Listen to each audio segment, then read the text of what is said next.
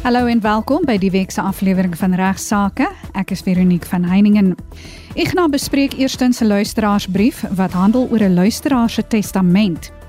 Ek gaan bespreek ook 'n saak waar SARS 'n lasbrief bekom het om 'n belastingbetaler se perseel te deursoek en hulle toegang geweier is.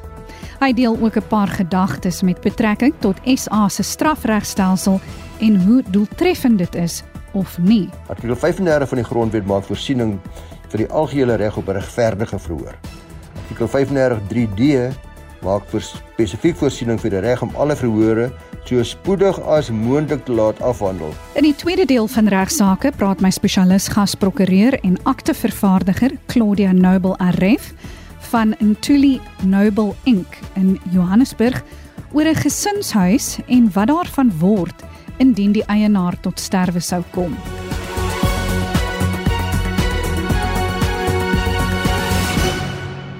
Ons begin die weekie program met Ignas wat 'n luisteraar se brief van 'n Johan Smit bespreek.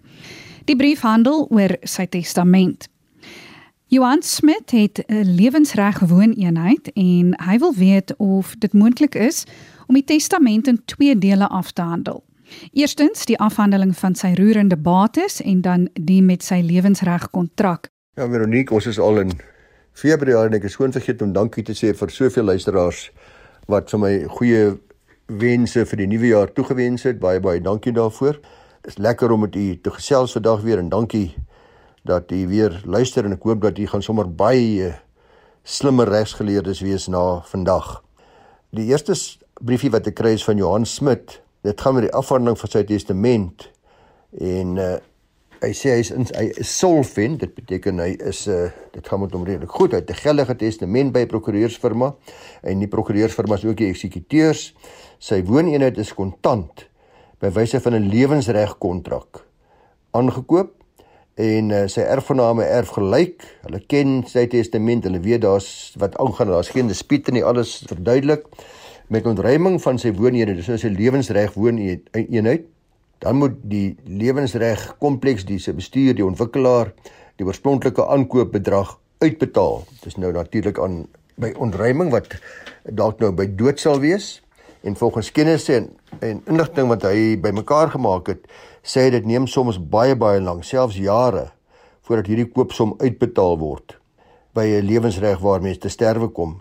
Hy vra is dit dus moontlik om 'n testament in twee dele af te handel. Eerstens die afhandeling van al my roerende bates as ook die polis en beleggings uitbetalings en dan hierdie deel wat om 'n kommer wat dalk nou so lank kan vat of dit dan daarna eers die afhandeling van die lewensreg kontrak wanneer die uitbetaling dan ook sal geskied en dan eers die boedel af te handel.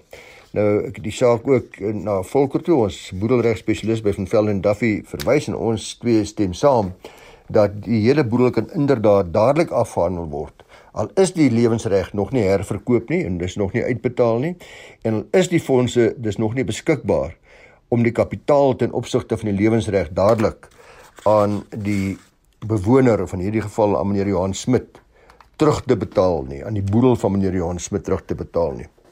Want daar is 'n paar relevante regsbeginsels wat volker dan ook baie netjies verduidelik as jy die boedel se eis om te deel in die opbrengs van die herverkoop van die lewensreg is 'n eis teen gunste van die boedel. Dis met ander woorde 'n bate in die boedel in die vorm van 'n vorderingsreg. Dieselfde geld byvoorbeeld is net soos 'n bedrag geld wat iemand nog aan my skuld. So daai persoon maak nie saak wie dit is nie, my broer by my geld geleen en my broer het 'n eis teen my broer om daardie geld terug te betaal. Daardie eis teen die persoon met die geldskuld is ook 'n bate in die boedel in die vorm van 'n vorderingsreg en net so ook my eis teen die persoon wat my lewensreg se kapitaal aan my boedel moet betaal. As die oorledene byvoorbeeld geld vir sy seun geleen het, wat sy seun in paaiement sê net maar oor 'n 5 jaar tydperk of 10 jaar moet terugbetaal, dan geld dieselfde beginsels ook. Dis 'n vorderingsreg teen my seun. Nou is die vraag van meneer Smit maar kom nie die broer dan nou 10 jaar oor staan? Nee, nee, is nie dis nie nodig nie. Die volgende belangrike beginsel om te verstaan is dat so bate in die vorm van 'n vorderingsreg by wyse van 'n sessie oorgedra kan word aan die relevante erfgenaam of erfgename. Dis waar u kinders nou die erfgename gelyk erf, word daardie vorderingsreg aan hulle gesedeer. Hulle kry nou die reg om die paemente in maandelikse paemente te ontvang of om te wag totdat die geld van die lewensreg uitbetaal word. Roerende bates soos meubels word deur lewering oorgedra en onroerende eiendom soos 'n huis by wyse van registrasie in die akteskantoor, terwyl vorderingsregte by wyse van 'n sessie oorgedra kan word, soos ek nou net vir u verduidelik het. Dis ook 'n skriftelike dokument wat deur die eksekuteur geteken word en op hierdie wyse word die erfgenaam dan eienaar van daardie vorderingsreg. Na die sessie skil die skuldenaar die geld dan vir die erfgenaam en dit beteken dan solank al die prosesse dan afgehandel is en die ander eise die ander bates is gehanteer en daar voldoende kontant is om al die eise belasting, kostes ensovoorts te betaal, dan kan die boedel dadelik afgehandel word. Is daar 'n eis ten gunste van die boedel nog nie betaal nie, soos byvoorbeeld die lewensreg eis. Die relevante skuldenaar moet dan uiteraard na die sessie die skuld aan die erfgenaam betaal en nie meer aan die boedel nie en wie ook nogal hierdie vorderingsreg eis het, kan dan selfs dagvaar stappe neem, net soos wat die boedel sou kon neem as dit nie was vir die sessie nie.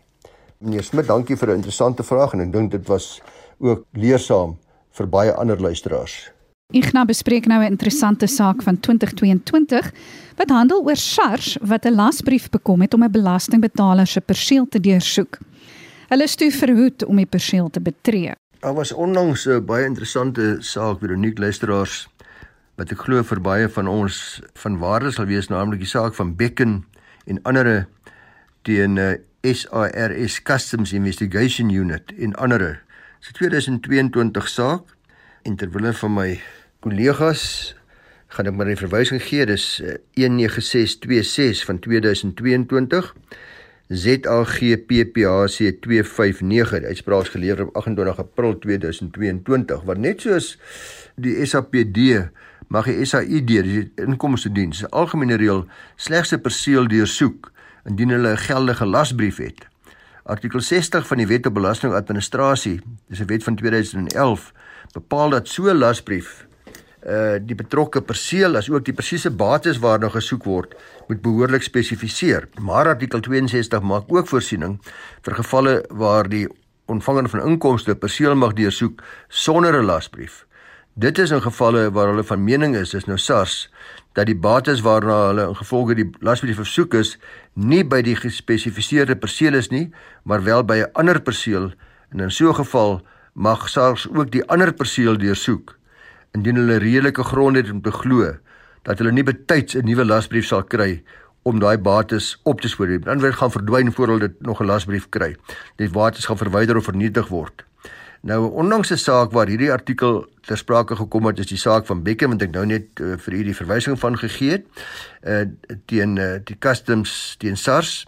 In die saak het uh, SARS 'n lasbrief gehad om 'n sekere belastingbetaler se kantore te deursoek. Die sekuriteit het vir SARS by die kantore toegang geweier en kon die ontvanger van inkomste die inkomste dienste werknemers sien hoe die mense sekere items vanuit die belastingbetaler se kantore na motors wegdra. Met ander woorde, hulle is besig om bates te versteek en wat hulle waarskynlik gaan vernietig of wegsteek. Een van die motors het behoort aan meneer Becken, wie die applikant was in hierdie saak. Want SARS het al die voertuie deursoek tot onder andere meneer Becken versoek om sy motor oop te sluit. Hy wou eenvoudig uh, nie gesê het nie sy sleutels by hom nie. Op 'n oomblik moes uh, hulle hulp inwin vanaf die polisie Die valke is ook 'n slotmaker en meneer Becken se weergawe was natuurlik dat hy dadelik sy steelers en SARS oorhandig het, maar nie by was toe hy die items uit sy motor gehaal het nie. SARS het onder andere beslag gelê op 10 rekenaars, 4 selfone wat in meneer Becken se motor gevind was. Hy het beweer dat daar net 2 nie 10 nie, maar net 2 rekenaars was en net 2 selfone is wat syne wat aan hom behoort het en uh, dat die inkomste diens die res op 'n ander plek gekry het, nie in sy motor nie. Sy ontken dat hulle alles daar gekry het. Hulle het 'n volledige inventaris en foto's en alles wat hulle in sy kar gevind het aan die hof kon toon. So meneer Beckens ongelukkig ongelukkig het dit juis gegaan oor hierdie twee rekenaars en die selfone wat hy wel erken het wat syne was. Hy het 'n spoliasie aansoek teen die ontvanger van inkomste gebring om die items terug te eis want die mandement van spoliasie soos ek al vir u verduidelik het, is 'n remedie wat gebruik kan word om mense eiendom terug te kry. Moet net sê dis my eiendom en dis nou nie meer, dis nou by jou. En dan uh so spoliasie aansoek as dit suksesvol is, het die gevolg dat 'n persoon wie van eiendom ontneem is, dan onmiddellik in herbesit geplaas moet word. Maar die vereiste is natuurlik dat die onteiening onregmatig moes wees. So dis die vraag of hierdie deursoeking van sy voertuig sonder 'n lasbrief en die vat van die rekenaars ensovoorts of dit onregmatig was. Die ander vereiste is dat die applikant voor ontneming in ongestoorde besit van die eiendom moet wees.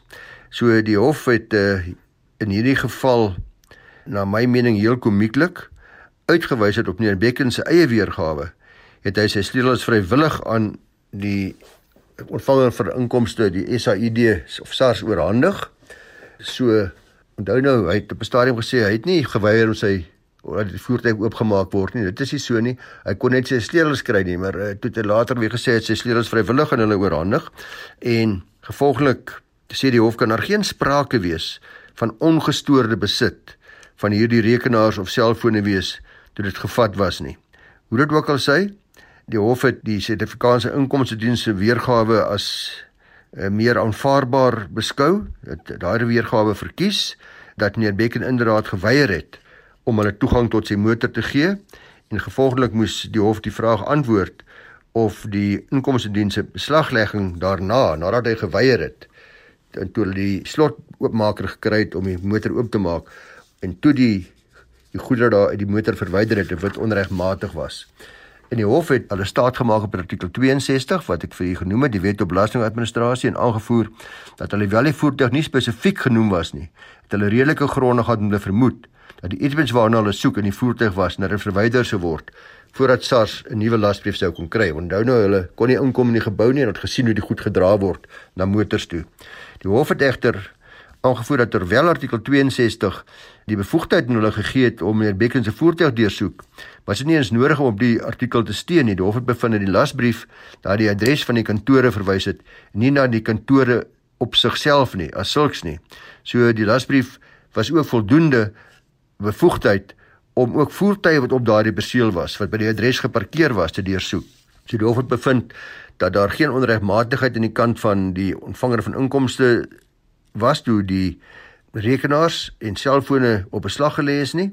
Hulle het dit op grond van die lasbrief gedoen en uh, sy aansoek was dus van die hand gewys is meer Becken se aansoek hy moes ook die koste van die aansoek dra. Dit is belangrik egter luisteraars dat in gedagte gehou moet word dat artikel 62 net geld in gevalle waar daar reeds 'n lasbrief uitgereik is. So daar moet altyd 'n lasbrief wees. Die artikel magtig net die ontvanger om persele te deursoek sonder 'n lasbrief dit is wanneer daar addisionele persele is terwyl hulle op soek is na spesifieke bates en hulle goeie rede om vermoed dat daardie bates waarvoor hulle reeds 'n lasbrief het op 'n ander perseel is soos ek gebo genoem het.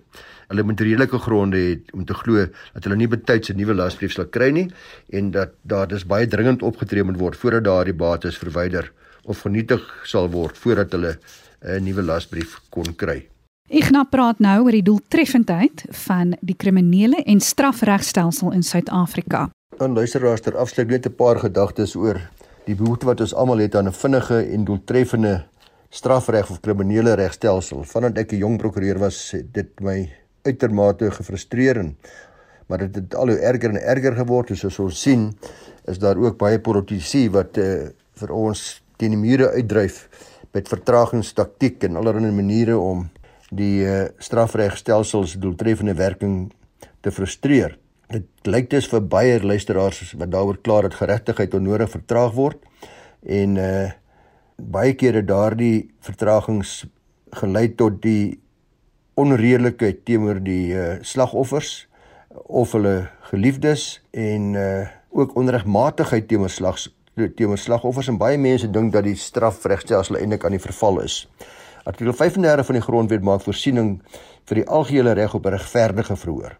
Artikel 35 3D maak vir spesifiek voorsiening vir die reg om alle verhore so spoedig as moontlik te laat afhandel sonder enige onredelike vertragings. Nou, dis van selfspreekend dat hierdie onredelike vertragings voorspel dit uitstelle wat deur die howe toegestaan of geweier kan word.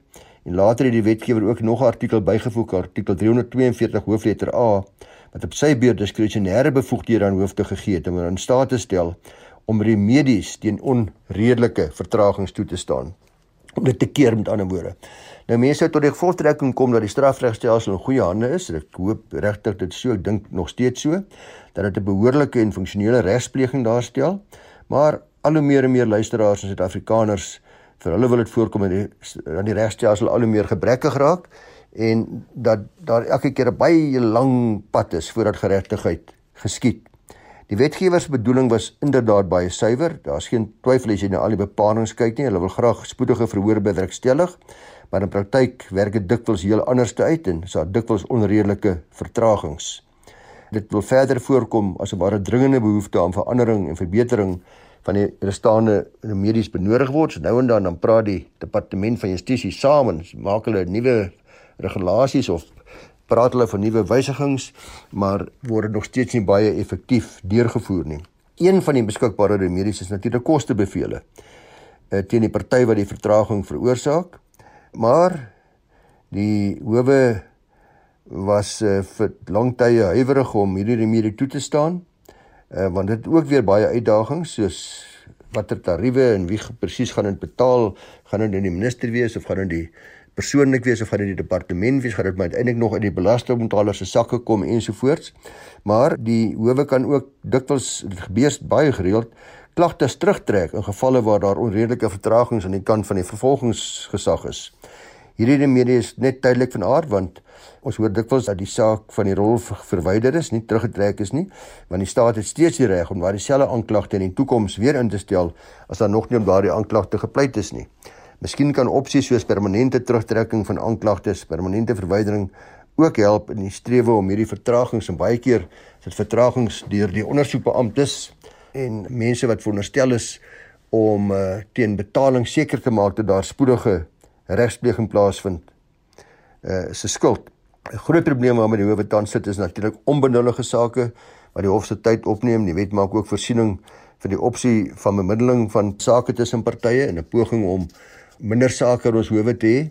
Is bemiddeling 'n opsie wat al hoe meer in praktyk voorkom. Ongelukkig nog nie naby so algemeen soos dit behoort te wees nie. So En mense sou graag wou sien dat meer onbenullige sake van die verhoorrolle verwyder moet word en liewers moet verwys word na bemiddeling as om die howe se tyd te mors. Maar luisteraars, van my kant af en, en ek dink die prokureursorde en alle almal wat luister en alle prokureurs stem saam, is daar beslis leemtes en uh definitief is daar redes vir verbetering en meer doeltreffende toegang tot ons regstelsel vir al wat betref onnodige vertragings en onnodige vertragingstaktieke wat regters soms verplig om uitstelle toe te staan teen hulle sin. As 'n nasie wat trots is op uh, ons konstitusie, op ons demokrasie en die erkenning van fundamentele menseregte, moet 'n mens maar desperaat gaan kyk na stappe hoe om hierdie vertragings stop te sit. Dit sal eers moet begin by uh, baie bekwame ondersoekbeamptes, eh, die vervolgingsgesag, hofpersoneel, stelsels ensovoorts wat die vloei van sake kan vereenvoudig en kan bespoedig. Kom ons hou maar almal duim vas dat ons dalk in die toekoms wetgewing gaan kry wat behoorlike tande aan ons landroste en regters gee. Doet daar nie almal en dink 'n goeie wese is om te sê mag u lewe hof vry wees.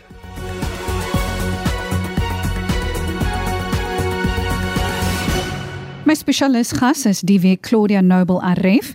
Sy is 'n prokureur en aktevervaardiger by die regsfirma Ntuli Noble Inc in Johannesburg en sy praat vandag oor 'n gesinshuis en wat daarvan word indien die eienaar tot sterwe sou kom. Welkom by Regsake Claudia. Claudia, 'n bekommernis wat baie mense het is wat gebeur met die gesinshuis wanneer die eienaar sterf? Wanneer 'n persoon sterf, word die gesinshuis deel van die afgestorwene se boedel. Baie van ons luisteraars het dalk al 'n geliefde verloor, veral gedurende die tyd van COVID. Ek het selfs my sussie verloor, Veronique. Sy het 'n gesinshuis gehad wat deel van haar boedel geword het toe sy afsterwe. Gewoonlik sorg 'n prokureur na die boedel, maar 'n aktevergaderiger is nodig om die eiendom van die oorledene te hanteer. Die boedel van die afgestorwe persoon moet binne 14 dae vanaf die datum van afsterwe by die meester van die Hooghof aangemeld word. Die afsterwe kan aangemeld word deur enige persoon wat enige eiendom van die afgestorwene se boedel hanteer of besit. Die meester van die hof stel dan 'n eksekuteur aan. Die eksekuteur is die enigste persoon wat wettelik gemagtig is om met die bates, soos die gesinshuis, van die oorledene te handel. Totdat 'n eksekuteur aangestel is, kan niemand namens die bestorwe boedel optree nie. Hierdie aanstelling is gewoonlik die oorsaak van vertragings in die hantering van die eiendom waar die geregistreerde eienaar oorlede is. En wat gebeur verder nadat die eksekuteur aangestel is? Dit hang daarvan af, Veronique, of die oorledene 'n testament gehad het of nie. Indien die oorledene 'n testament gehad het, verseker die eksekuteur dat die gesinshuis in terme van die testament gehanteer word. As jy en jou gade die eiendom gesamentlik besit het uit hoofde van julle huwelik binne gemeenskap van goedere met die dood van jou gade, is jy outomaties geregtig op 'n onverdeelde halwe aandeel in die eiendom uit hoofde van jou huwelik. Dit beteken dat die langslewende gade ongeag wat die testament sê, in gevolge die huwelik binne gemeenskap van goedere geregtig is op die helfte, dit wil sê 50% van die boedel en dus 50% van die gesinshuis. Die ander helfte kan deur die testament van die oorledene aan die langslewende gade of die kinders of enige iemand anders nagelaat word. Sou jou oorlede gade sy of haar deel van die boedel aan jou nagelaat het, sal jy dan geregtig wees om oordrag van die oorledene se helfte van sy eiendom te neem. Die oordrag van die helfte aandeel in die eiendom kan gedoen word bewyse van artikel 45 endorsement. Dit hoef nie 'n formele oordrag te wees nie. 'n Artikel 45 endorsement is 'n endorsement teen die bestaande titelakte van die eiendom tot die effek dat jy geregtig is om met die eiendom te handel asof jy die formele oordrag van jou oorledende gade se halwe aandeel geneem het. Die oordrag van die halwe aandeel deur endorsement van die titelakte sal onderhewig wees aan enige voorwaardes in jou oorlede gade se testament. So as jy byvoorbeeld weer binne gemeenskap van goedere trou, sal die aandeel wat jy van jou oorlede gade aan jou oorgedra het, nie deel vorm van die nuwe boedel nie. Dit beteken dat die eiendom steeds net aan jou sal behoort.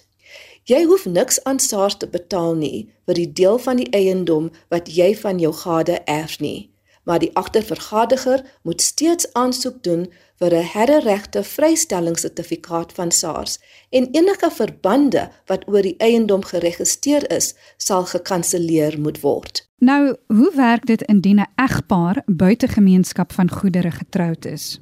Gewoonlik wanneer die egpaar buite gemeenskap van goedere getroud is, besit elkeen 'n 50% aandeel in die eiendom. En sou jou oorlede gade sy of haar 50% aandeel in die eiendom aan jou bemaak in die testament, sal jy dan geregtig wees om oordrag van hul 50% aandeel in die eiendom te neem.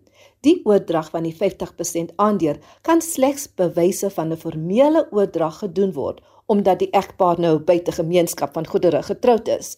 Dit kan nie deur endorsement wees soos wanneer die egpaar binne gemeenskap van goedere getroud is nie. Gevolglik sal daar nou twee titelaktes wees wat jou eienaarskap bewys. Sou jou oorlede gade die hele eiendom besit en die hele eiendom aan jou nagelaat het, sal jy geregtig wees om eienaarskap van die hele eiendom bewyse van 'n formele oordrag te neem. Dit kan gebeur dat oorlede gade die eiendom aan hul kinders nagelaat het, onderhewig aan 'n usufrug ten gunste van die langslewende gade.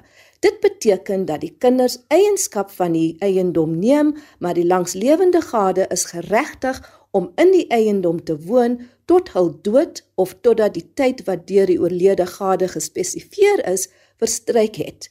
Byvoorbeeld, as die langslewende gade weer trou. Indien u oorlede gade die eiendom aan 'n ander persoon nagelaat het, sal die eksekuteur dan die eiendom aan daardie persoon oordra, ingevolge die oorledende se versoek in sy of haar testament.